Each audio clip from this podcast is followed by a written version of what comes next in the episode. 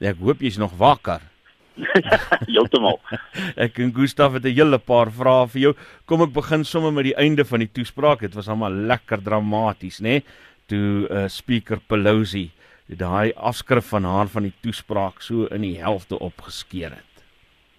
Ja, dis een van die vier kenmerke sou ek sê van die staatsrede wat uh, so uur of twee gelede afgehandel het. En dit is dat daar 'n aanvoelbare spanning was tussen die demokrate en die republikeine in die in die huis van verteenwoordigers waar die toespraak afge afgelê is. Die ehm um, by verskillende voorbeelde van van wat gebeur het maar die voorbeeld wat jy genoem het is een. Die ander een was toe sy om wou groet uh, met die begin van die toespraak het hy eenvoudig haar hand geïgnoreer. So dis die aanvoelbare spanning. Die tweede ding wat baie duidelik was is dat die woordjie impeachment of staat van beskuldiging is nooit genoem nie.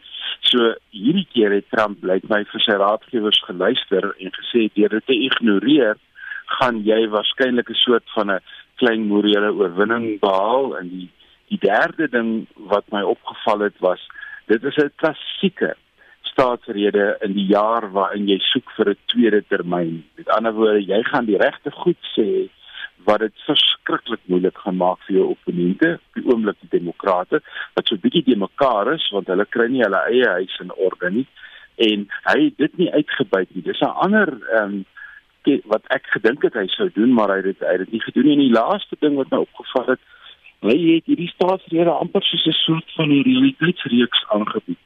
Uh in terme van voorbeelde, mense wat hy gevra het om op te staan, toekennings wat hy gemaak het hy is regtig die meester van die van die van die van die TV hy is die meester van kommunikasie maak nie saak wat jy van Donald Trump sê nie dit het hy onder die knie Daar's natuurlik baie um, kritiek teen Trump veral daar van die Amerikaanse media se kant af.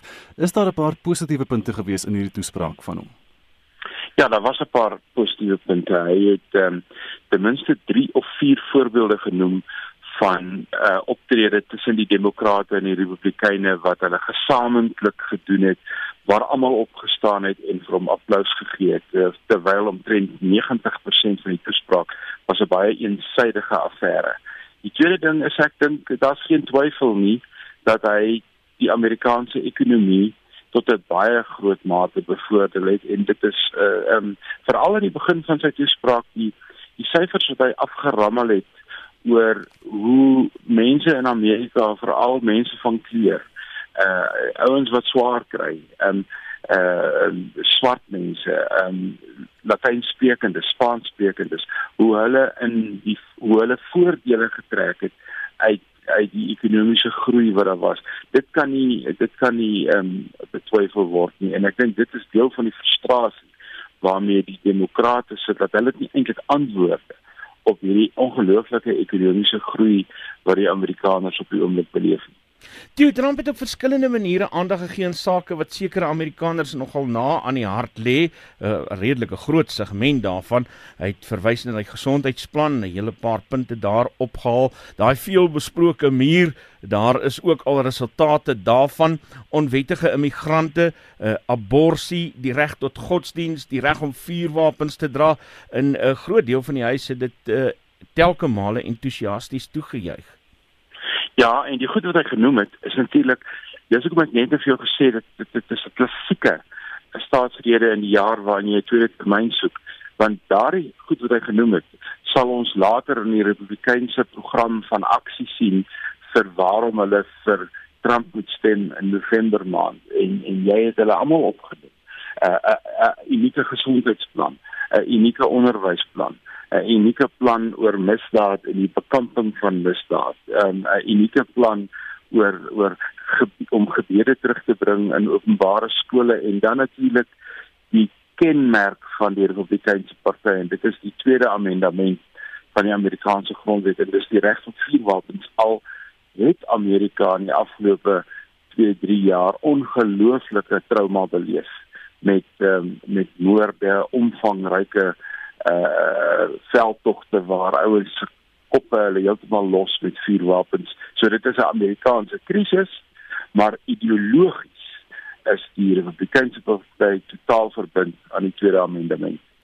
Nou een van die kwessies wat hy uitgelig het was natuurlik die onwettige immigrante uit van hulle gepraat as criminal aliens wat deur radikale politici in hulle stede verwelkom word. Hoe groot is hierdie kwessie van onwettige immigrante in Amerika veral nou in hierdie verkiesingsjaar?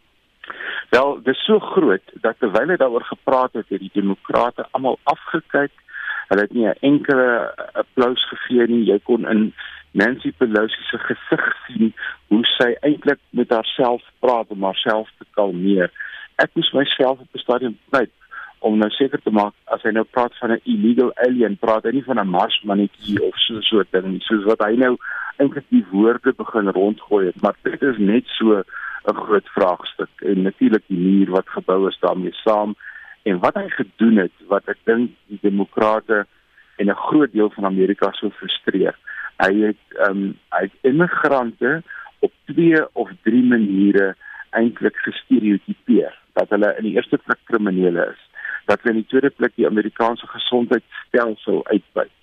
En dat hulle in die derde plek eintlik die nuwe groei van Amerika eintlik inhibeer. So ehm um, hy het, hy het, uh, hy het tot 'n groot mate eintlik die die die, die saak van die demokrate, naamlik dat Amerika is eintlik 'n land wat ontstaan het as gevolg van immigrasie.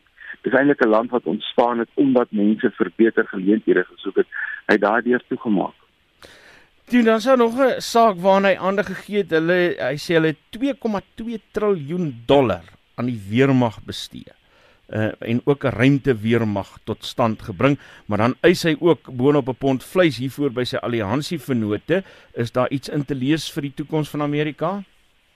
O ja, nee, hy was baie uitgesproke daaroor en ek moet sê een van die oomblikke wat myself geraak het, was toe hy 'n 100-jarige veteraan vlieënier bevorder het tot generaal-majoor, dan word hy 'n een-ster generaal. Dit was nogal 'n aanvoelbare oomblik um, en maar jy's reg oor die geweldige begroting en die geweldige investering in die verdedigingsbegroting en dan natuurlik die hele verlede jaar sy verhouding met NAVO en hoe hy wil hê NAVO-lande moet 'n groter bydrae maak tot hulle gemeenskaplike verdediging. En hy het absoluut daarop gestaan en eintlik geroem daarop dat hy dit nou reg gekry het dat sy Europese bondgenote 'n groter bydrae maak tot hulle eie verdediging en dat Amerika nie die gewig alleen neem dra nie. Nou Trump het ook gepraat oor die duisende nuwe fabrieke in Amerika wat opgerig is en daar's nog op pad sê hy daar's ook werkloosheid wat volgens alle aanduidings rekordafnames toon. Is die ekonomie in Amerika werklik op in so 'n goeie plek soos wat Trump deeltyd sê? Ja, ek dink nie daar's twyfel daaroor nie. Ek dink die syfers wat genoem het is dat in die vorige twee termyne en en dit sluit natuurlik nou president Bush en president Obama in, het Amerika uit so 60 000 fabrieke verloor en in sy 3 jaar alleen um, is daar iets soos 12000 fabrieke, fabrieke teruggekry en en miljoene addisionele werksgeleenthede. Nou die ouens wat sy feite die hele tyd dophou sal seker vandag en môre uitkom met wat is nou die werklike syfers. Maar ek dink nie daar's enige twyfel dat die Amerikaanse ekonomie geweldig baat by Trump se belastingveranderings wat hy aangebring het en die manier hoe hy onderhandelinge met veral sy onmiddellike handelsvennote, dis Mexiko en Kanada verander het en hoe hy sy uh, verhouding met China beïnvloed het. Daardie twee faktore staan soos 'n paal bo water. Theo baie dankie, dit was die politieke ontleder Theo Venter.